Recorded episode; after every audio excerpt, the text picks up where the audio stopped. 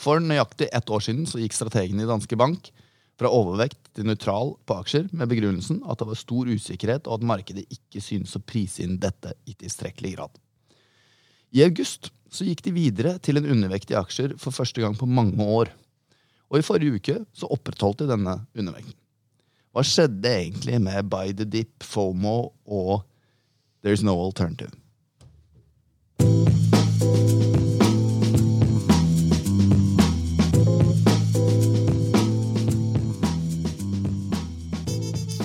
Det er dette vi skal snakke litt om eh, i dag, Anders. Sjefstrateg i Danske Bank, velkommen.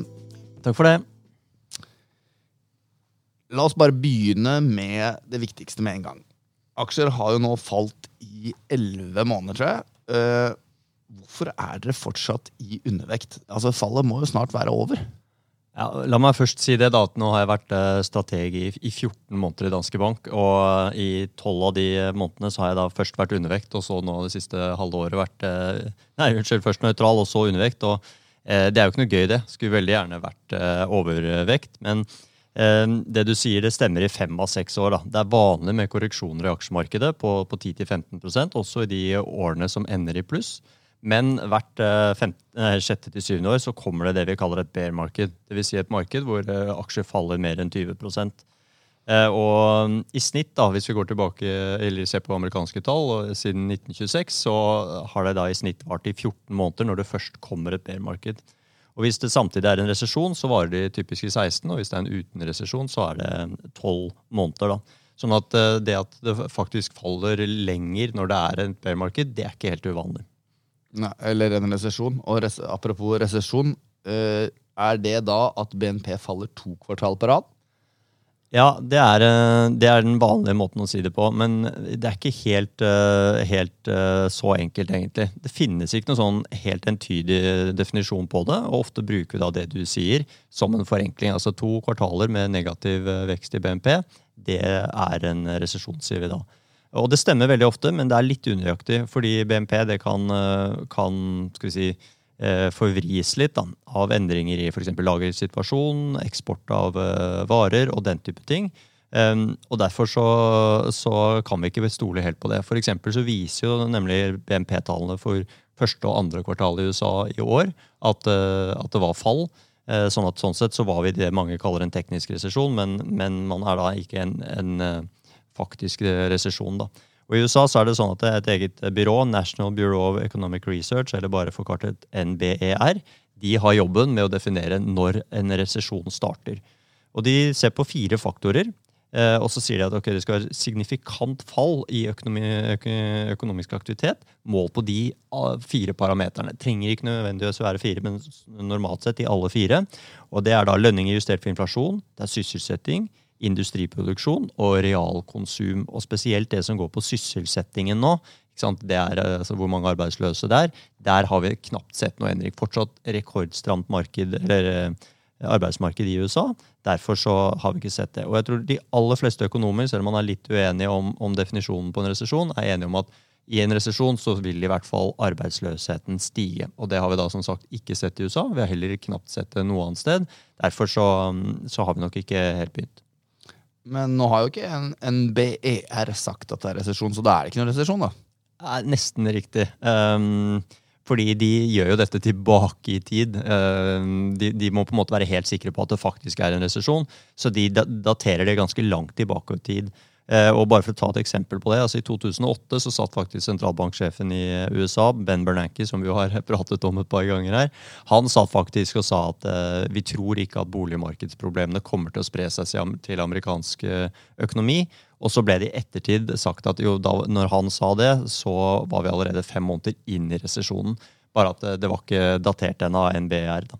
Så, så, vi kan være i en resesjon uh, allerede i USA. Vi tror jo at uh, Europa er mye nærmere, og kanskje UK som ligger aller først fremme i, i sykelen. Men det er ingen av stedene hvor det faktisk er på en måte definert ennå. Men det skjer gjerne da langt etter, uh, i ettertid.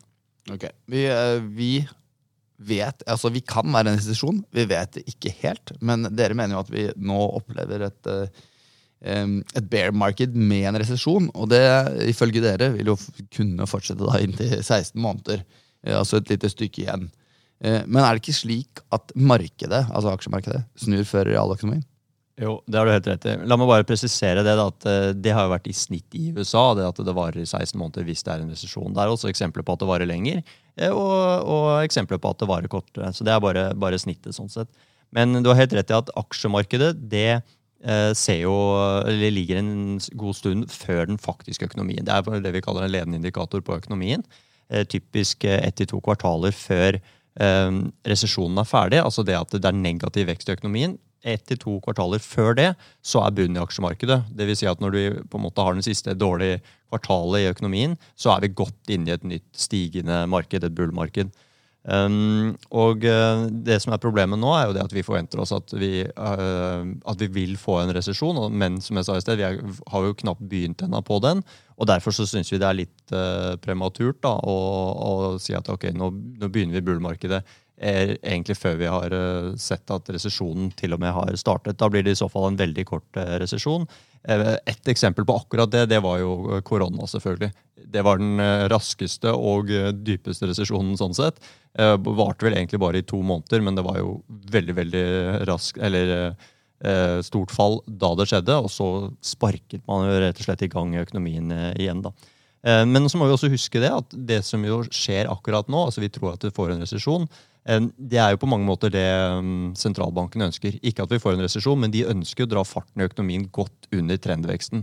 Og trendveksten ligger kanskje i USA rundt 2, 1,5-2 eh, og en resesjon er på null. Så de har et ganske sånn smalt bånd hvor de prøver å trykke økonomien inn der og få til det. Og de har jo ikke lykkes spesielt godt med det historisk.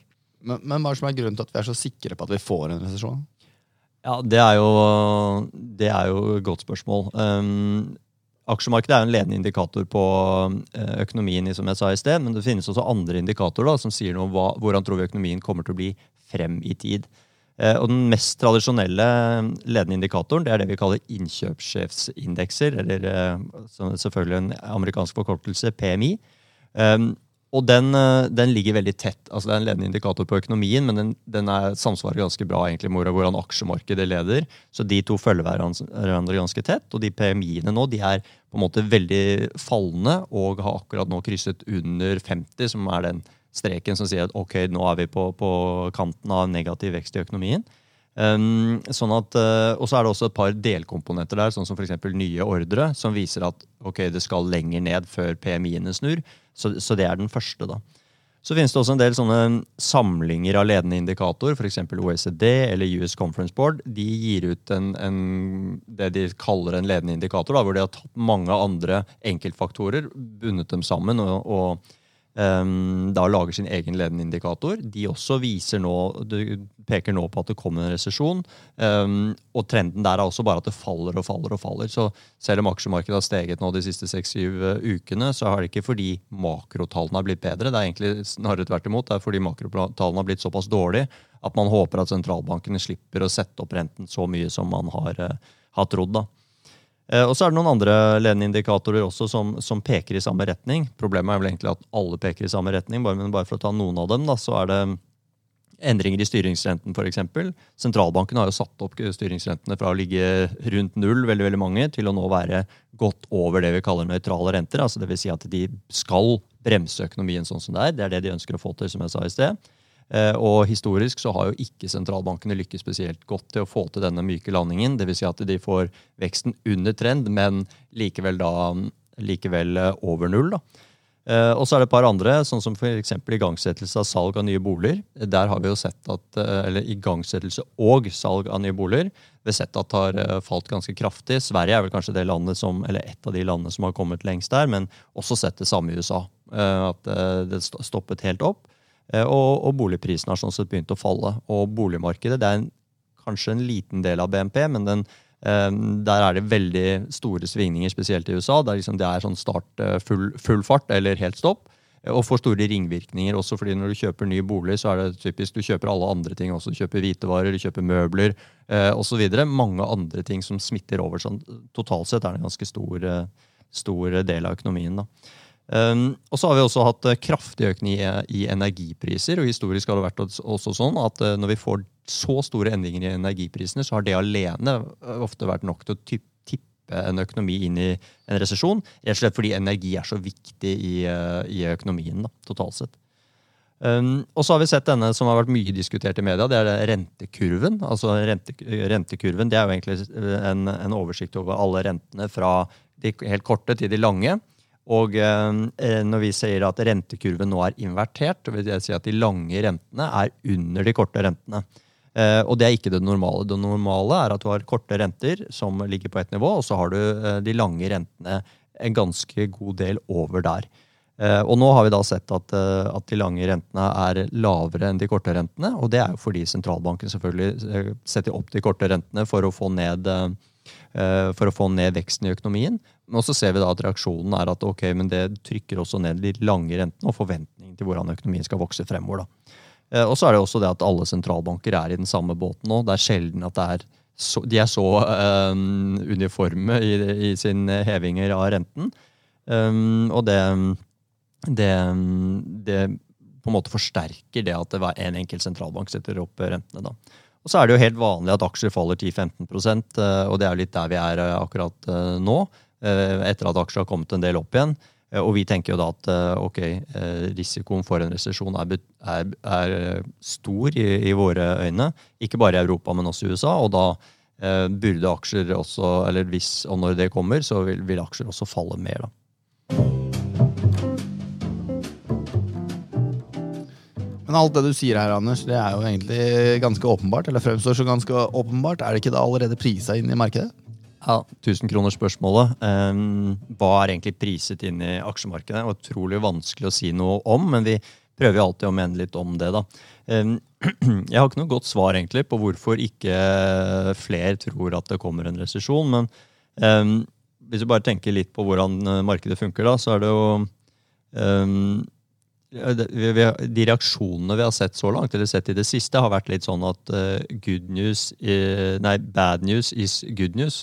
Det vil si at uh, når økonomien faktisk viser at den er svakere enn det, enn det, man hadde håpet, så stiger markedet på det. Det er jo ikke normalsituasjonen, men det er jo rett og slett fordi man håper at sentralbankene skal sette opp renten mindre enn det man trodde før.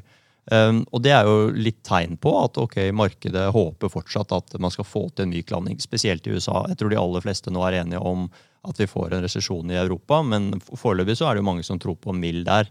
Uh, så avhenger det veldig mye av hvordan vinteren blir og hvor, hvor uh, kaldt det blir. Jeg så faktisk Financial Times i går. De hadde laget en sånn oversikt som viser at mange europeiske land nå forbereder seg på en vinter hvor de kanskje må få såkalte rullerende blackouts. Altså Det er ikke nok strøm, sånn at de må planlegge og kutte strømmen i visse områder i en kort periode, og så går det til et nytt område og nytt område og nytt område. For å, for å eventuelt kunne møte et, eh, en periode med for lite energi. Da. Så har jo november begynt veldig bra, men, men hvis man kommer inn der, så blir det selvfølgelig knallhardt for industri og den type ting. Og det vil jo gjøre at resesjonen i Europa eventuelt blir eh, verre. da. Og så tror jeg også at mange har eh, fortsatt håper på og tror på denne uh, Fed-putten. Som vil rett og slett si at hvis bare aksjemarkedet faller nok, så skal, skal rentene eh, så, så, eller, så, skal Fed snu, slutte å sette rentene opp, men at de skal på en måte baile ut eh, aksjemarkedet.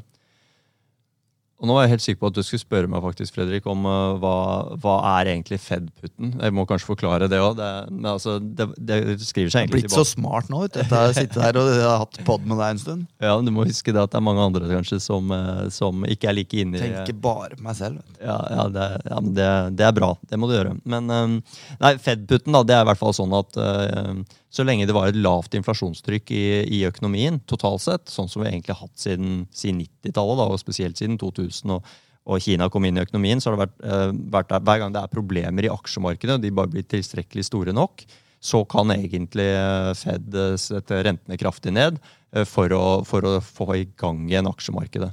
En putt er jo en aksjeopsjon som rett og slett gir deg en gevinst hvis aksjer faller. Uh, og her har det jo vært sånn at ok, Fed redder de som, som er i aksjemarkedet, og, og at sånn at fallene ikke skal bli for store. da. Det er det som kalles uh, Fed-putten. Uh, og det er mange som fortsatt tror og håper på at det blir det bare ille nok, så, så, kommer de på banen igjen. Og så er det bare det at nå er det annerledes. Vi har den høyeste inflasjonen på 40 år. Um, og for Fed er det nok mye, mye, mye viktigere hvordan det går med inflasjonen, fordi det, så, det rammer så bredt. Da. Det rammer de svakeste i landet aller mest, og politisk også veldig uh, uspiselig å baile ut uh, Wall Street en gang til på bekostning av uh, de svakeste i samfunnet. da. Så nå har jeg nesten glemt hvor, hvor vi var. Ja, om det var priset inn, ja. Um, og så, mm, så, tror jeg også det er litt sånn at markedet ligger jo foran, uh, foran økonomien. Men det ligger ikke for langt foran. Altså Det vil ikke være sånn at vi kan, vi kan prise inn en resesjon som kommer ett til to år frem. Også helt umulig selvfølgelig å predikere, men, men um, det har nok vært sånn at ok, hvis resesjonen starter i 2023, så er det for tidlig å prise den inn i, i juni 2022, rett og slett. Det kommer, det kommer tre, tre til seks måneder før, men ikke noe særlig før det. da. Så foreløpig, som sagt, vi har ikke det er ingen som har erklært at vi er i gang med en resesjon, og det er ikke heller eh, helt åpenbart eh, overalt ennå. Um, og så ser vi også fortsatt at det er mye penger som renner inn i aksjemarkedet. Uh, litt usikker på da de, hvorfor, men det har jo vært sånn de siste ti årene at det er noen man har lært seg til. Beklager igjen til de som uh, syns jeg bruker mye engelske ord, men det er jo noen begreper her. Buy the dip, f.eks. Som rett og slett vil si at når aksjer faller 10-15% så kjøper man aksjer. For de siste ti årene så har det vært en veldig veldig god strategi. Hver gang de har falt 10-15% kjøper du da, så, så, kommer du ikke så dårlig ut av det. Vil, vil jo bli skadet litt under korona, men uh, ja, vi, fallet i korona begynte i februar, og vi var tilbake til toppen igjen fra, februar. Allerede i september, så selv ikke da så, så skadet man seg veldig på å kjøpe på, på denne dippen. Eh, og så er det et annet fint eh, engelsk begrep som heter fear of missing out. rett og slett det at eh, du, du, det å ligge feil, da, ikke, ha for lite aksjer, det har uh, også de siste ti årene vært veldig skadelig. Man da blir sittende igjen og, og får lav avkastning. Og så glemmer man da at nå gir obligasjoner en betydelig bedre avkastning. Ok, Men kan dere ta feil, Anders?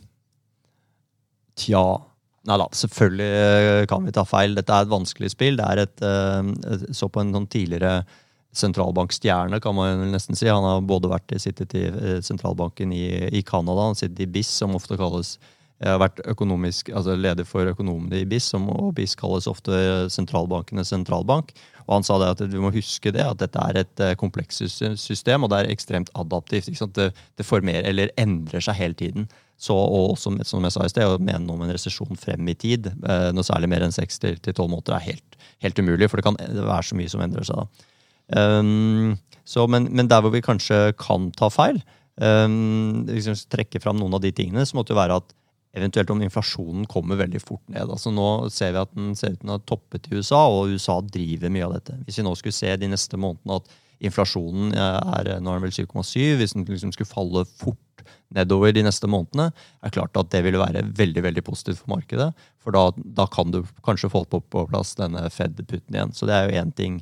Um, det aller mest positive for markedet ville jo vært, hvert hvis vi tenker litt mer langsiktig, hvis vi fikk på plass en, løsning, en langsiktig løsning på krigen eh, med, med, Russland. fordi da ville man jo kunne gjøre noe med disse energiproblemene. Vi trenger, eh, Verden trenger eh, Russlands både olje og gass. De er jo den tredje største eksportøren av, av olje og vel den aller største eksportøren av gass. Eller var. Og, så, så, det trenger vi. Og en, så den, en løsning der ville også vært veldig veldig positivt. Klart Da måtte man tenke litt annerledes rundt ting. og så er Kina et tveget sverd. De har jo vært en vanvittig bidragsyter til vekst de siste 20 årene. Um, og de har jo hatt to veldig svake år de siste nå, altså 2021 og 2022. Eh, fordi, fordi de har eh, problemer i boligmarkedet, og de har eh, også problemer rundt nullsmittestrategien. Og så har de hele tiden ønsket å åpne, sin, åpne opp igjen rundt covid.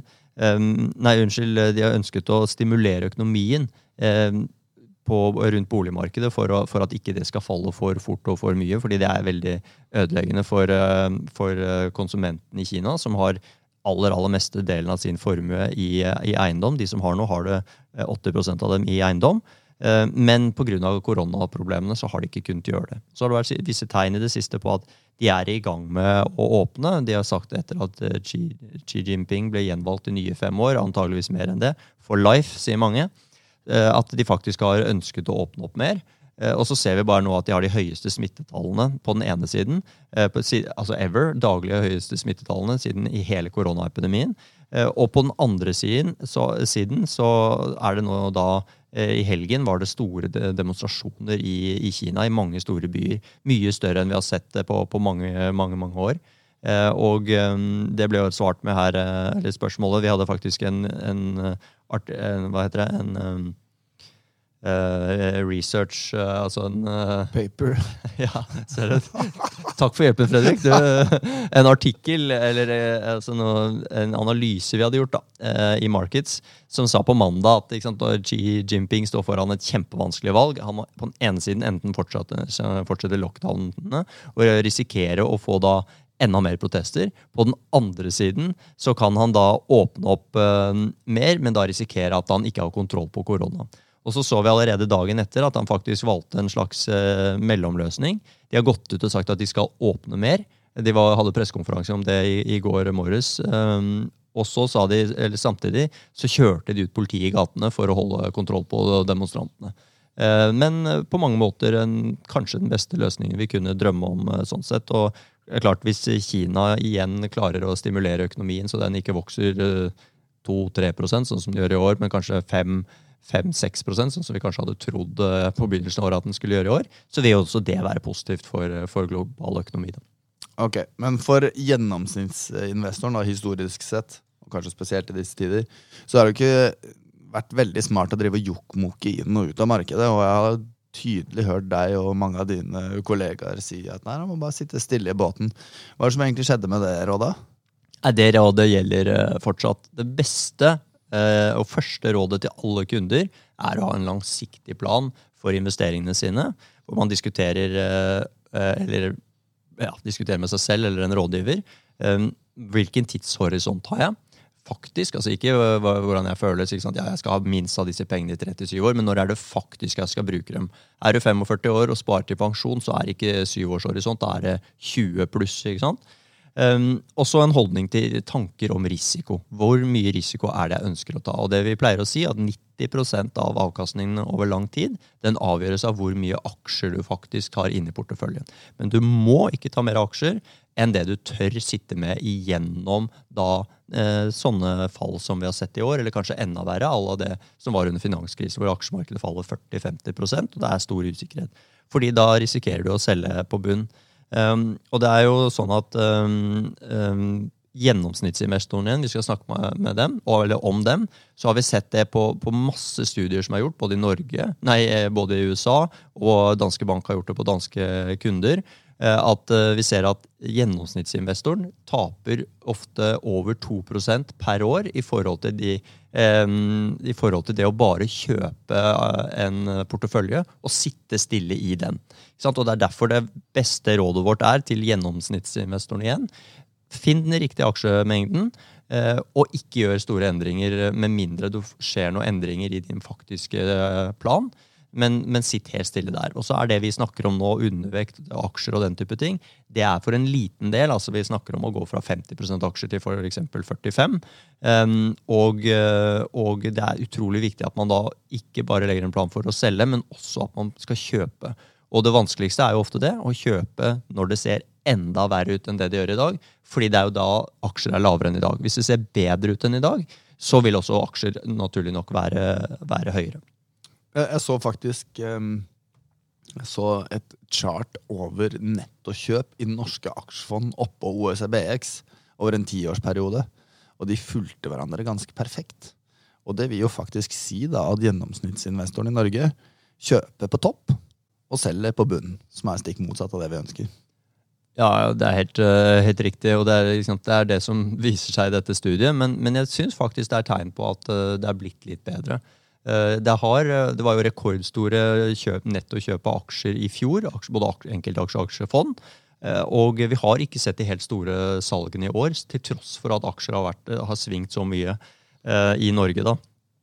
Og det, vel å merke, så har jo Vi har snakket mye om at aksjer har falt mye, men i norske kroner har jo faktisk ikke aksjer falt så mye. Fordi norske kroner har svekket seg så mye parallelt, og har investert i amerikanske aksjer. Selv om de hadde falt over 20% så var det bare ned rundt 10% i norske kroner. da. Men vi vet på forhånd at aksjer svinger, og det er en av de tingene. Skal du inn i aksjer, så, så vil det svinge, og det må du bare være forberedt på.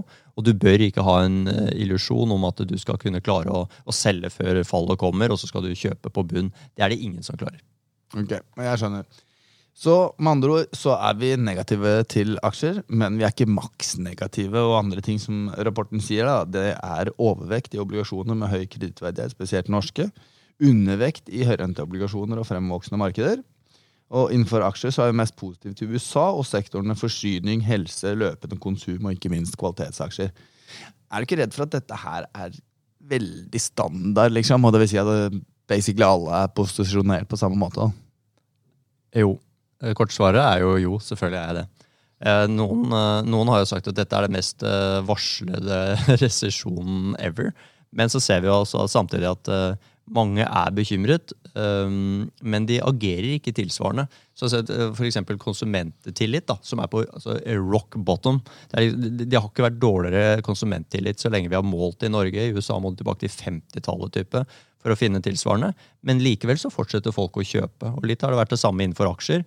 De sier at de er veldig negative. Det måles jo blant uh, amerikanske investorer ukentlig. blant, uh, blant sånne um, private investorer.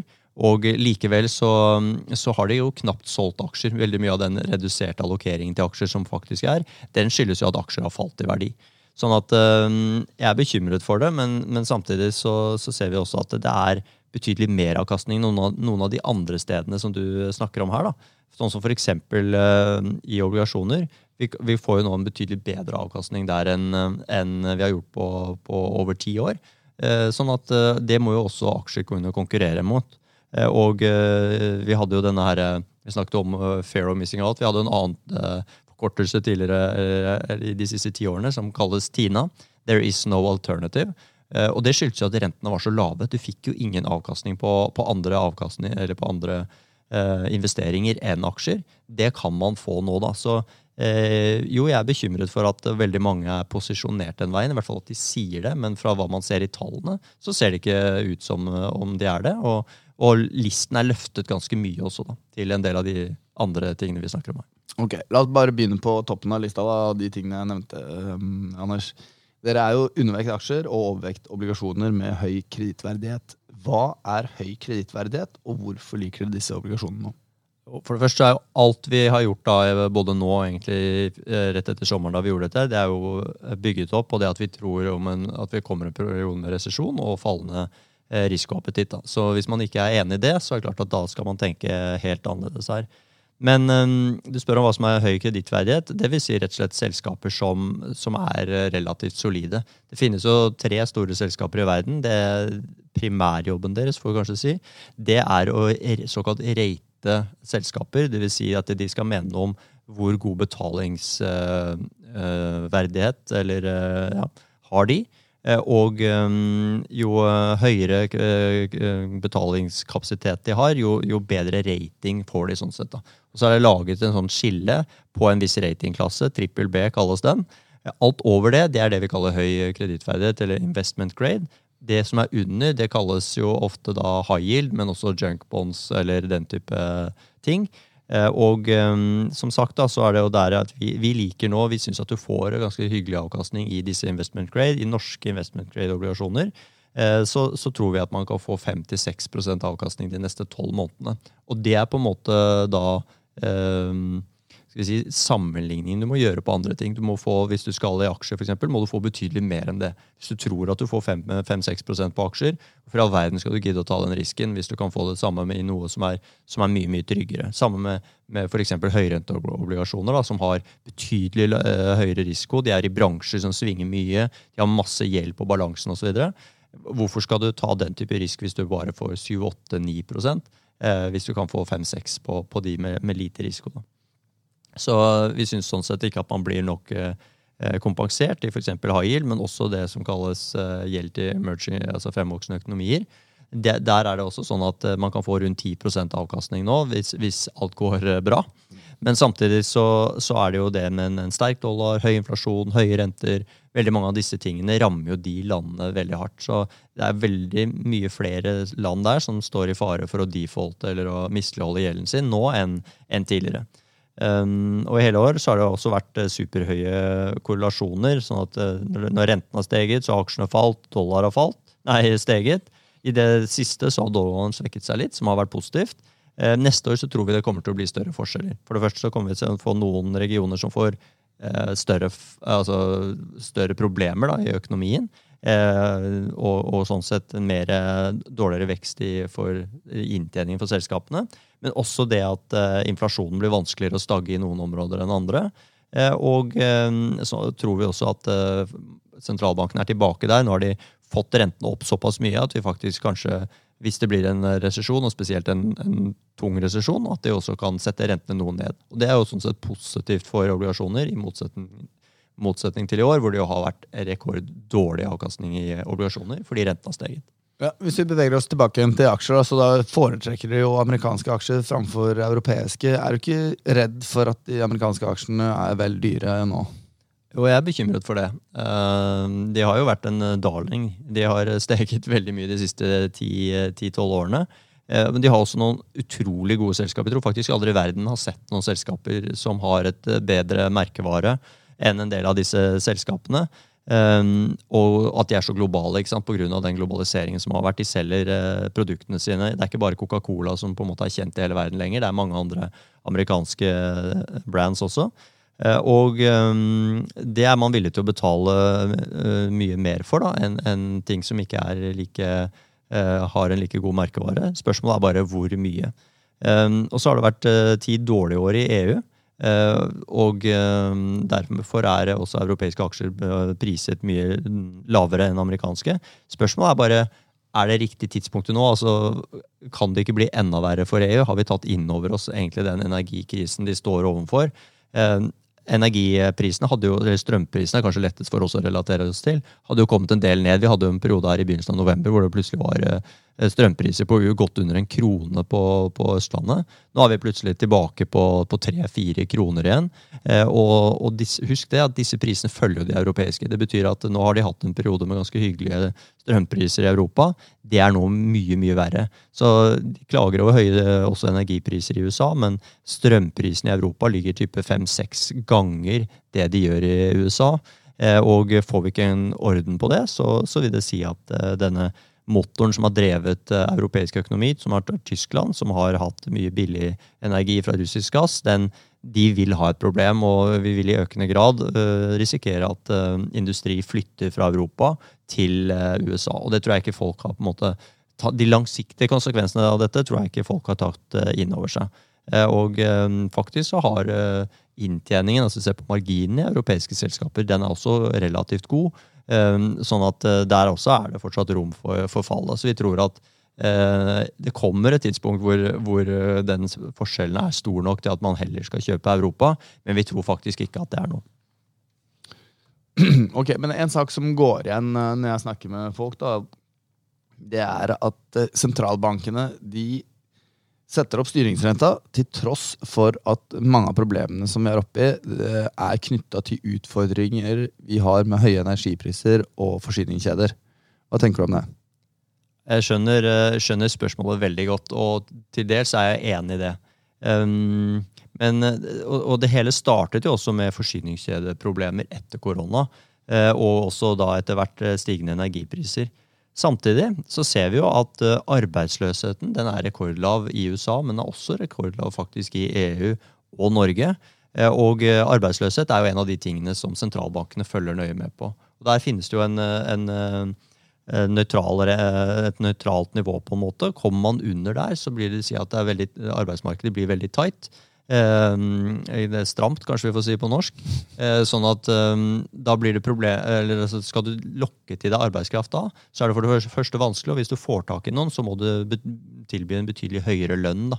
Eh, derfor så, så, Det som begynte med problemet med forsyningskjeder og energipriser, det var også grunnen til at alle sentralbankene sov i timen her. De ventet med å sette opp rentene, de kalte det forbigående. Eh, og så var det bare det at vi har sett at eh, det som var skjult, da, det var jo det at det var en vanvittig fart i hele denne supertankeren av en global økonomi.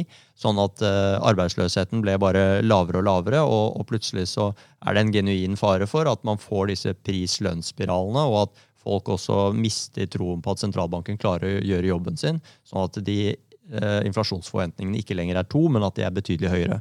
Og da uh, har de et problem. Så de har faktisk konkludert sånn sett med at vi har et valg her. Vi treffer antageligvis ikke perfekt, det gjør man aldri på, på, første forsøk.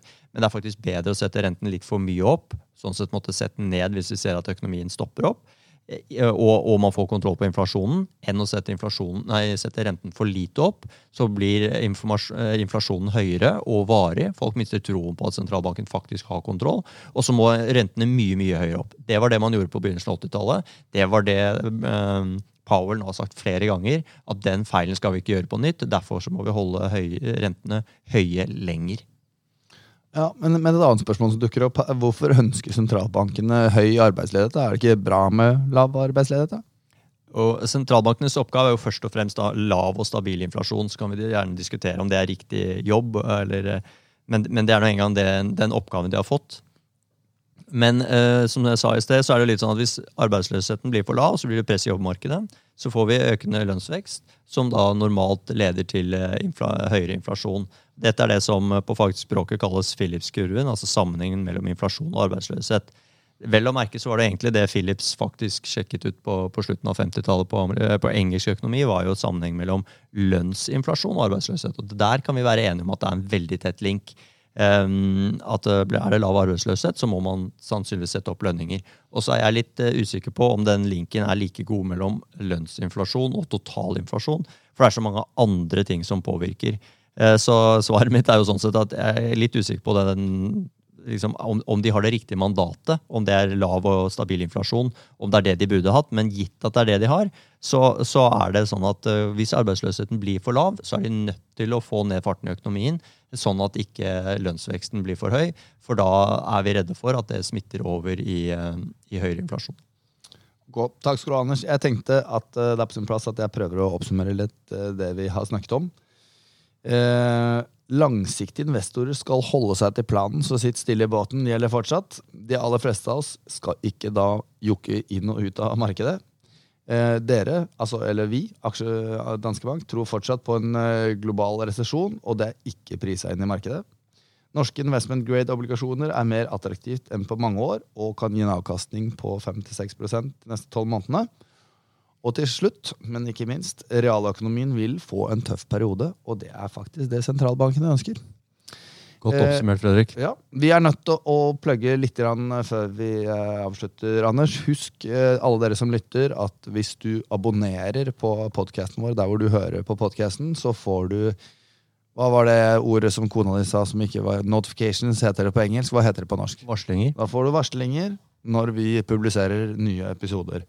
Eh, og husk også å gå inn på Twitter og følge Anders der på uh, underhandlet at Makerjohansen. Dere kan også um, følge meg, selv om jeg ikke poster noe, men der kan dere stille spørsmål hvis dere vil, på at Ask Stensrud. Dere kan også komme med forslag til tema dere mener vi bør dekke i vår podkast. Det var alt vi hadde i denne episoden av Bankers. Vi høres.